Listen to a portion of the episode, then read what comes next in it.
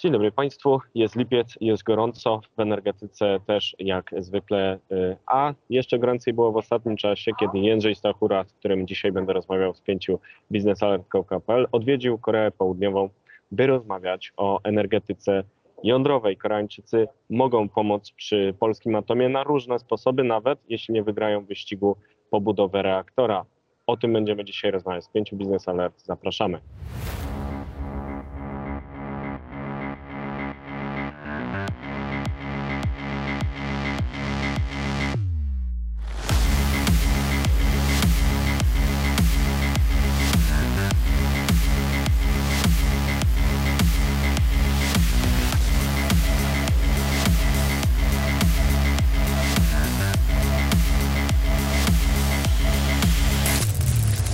Jędrek, wróciłeś cały i zdrowy z Korei Południowej. E, Długi był Tak. lot. Udało się, udało się. Lot trwał y, 13 godzin, także dosyć Hmm. długo, ale Był czas się. pooglądać Netflixa.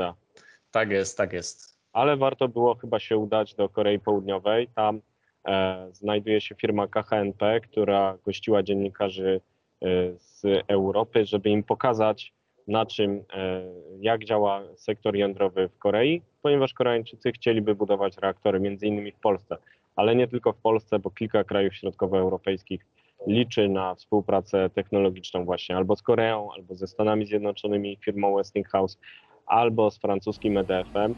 E, gra trwa. No i co ci Koreańczycy ci pokazali, Jędrzej?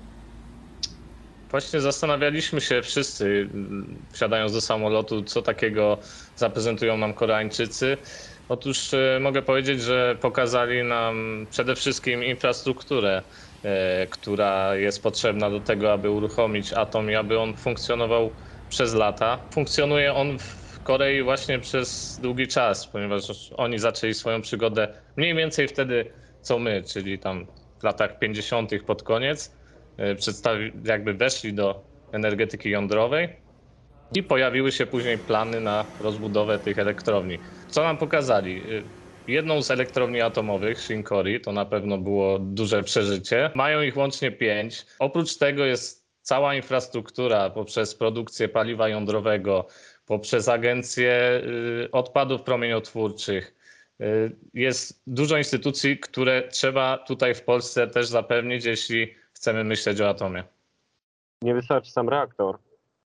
Nie wystarczy sam reaktor, o czym się najczęściej mówi. No i tak, zdecydowanie oprócz reaktora i tej infrastruktury potrzebujemy też siły ludzkiej, e, czyli wiedzy, e, wykształconych ludzi, młodych, którzy e, będą chcieli Starych nie- prowadzić ten atom. Starych nie, nie, nie chcemy. Też oczywiście potrzebujemy. Polska ma dużo starszych profesorów pamiętających czasy żarnowca, ale te kadry rzeczywiście trzeba budować praktycznie od nowa.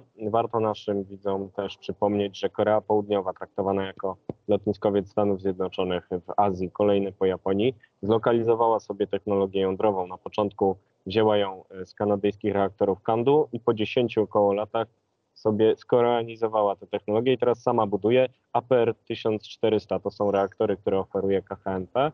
No i y, Koreańczycy mówili oficjalnie, że mogliby pomóc lokalizować te technologie także w Polsce. Czy Twoim zdaniem może być tak, że na przykład chyba faworyzowani Amerykanie y, zapewniliby reaktor z Westinghouse'a AP1000, a Koreańczycy pomogliby inaczej? Tak, o tym też e, między innymi było słychać, może nie w oficjalnych rozmowach, które można było nagrać czy też spisać, ale gdzieś tam w kuluarach pojawiały się takie tony, że Korea może być wsparciem dla Stanów Zjednoczonych, jeśli właśnie Polska pójdzie w tę stronę.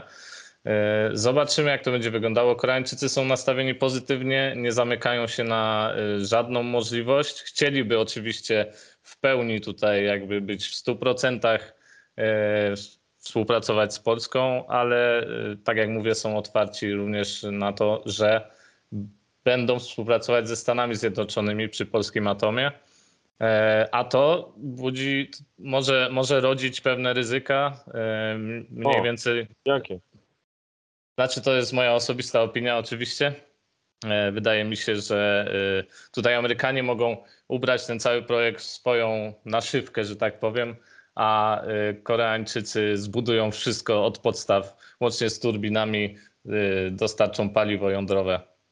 No, ale patrząc na projekt Baraka w Zjednoczonych Emiratach Arabskich, który powstał na czas i w budżecie, to nie jest chyba najgorsza wiadomość dla Polski. Tak, zdecydowanie. No, nie musimy się obawiać y, oczywiście Amerykanów. Y, Tutaj mamy, mamy innych wrogów, że tak powiem, y, za, za granicą. Także y, chciałbym, chciałbym jeszcze powiedzieć a propos tego projektu w Zjednoczonych Emiratach Arabskich. Y, To też jest dowód na to, że Koreańczycy potrafią y, budować ten atom, szczególnie w kraju, w którym tego atomu nie było. Y, W Zjednoczonych Emiratach Arabskich go nie było, już jest dzięki Korei i dzięki ich pracy. Zobaczymy, jak będzie w Polsce. Wiadomo, że wybór technologii jądrowej oraz partnera finansowego ma nastąpić w 2022 roku, po to, żeby budowa pierwszego reaktora ruszyła w 2026 roku i miałby być on gotowy w 2033 roku, a w 2043 roku mielibyśmy już mieć aż 6 do 9 gigawatów energetyki jądrowej. Ale od czegoś trzeba zacząć, więc czas rozstrzygnięć jest teraz i może okaże się, że ten atom amerykański będzie tak naprawdę koreański. Zobaczymy, będziemy o tym dalej rozmawiać z pięciu biznesalert.pl, a rozmawiali Jędrzej Stachura oraz e, Wojciech Jakubik. Zapraszamy już za tydzień.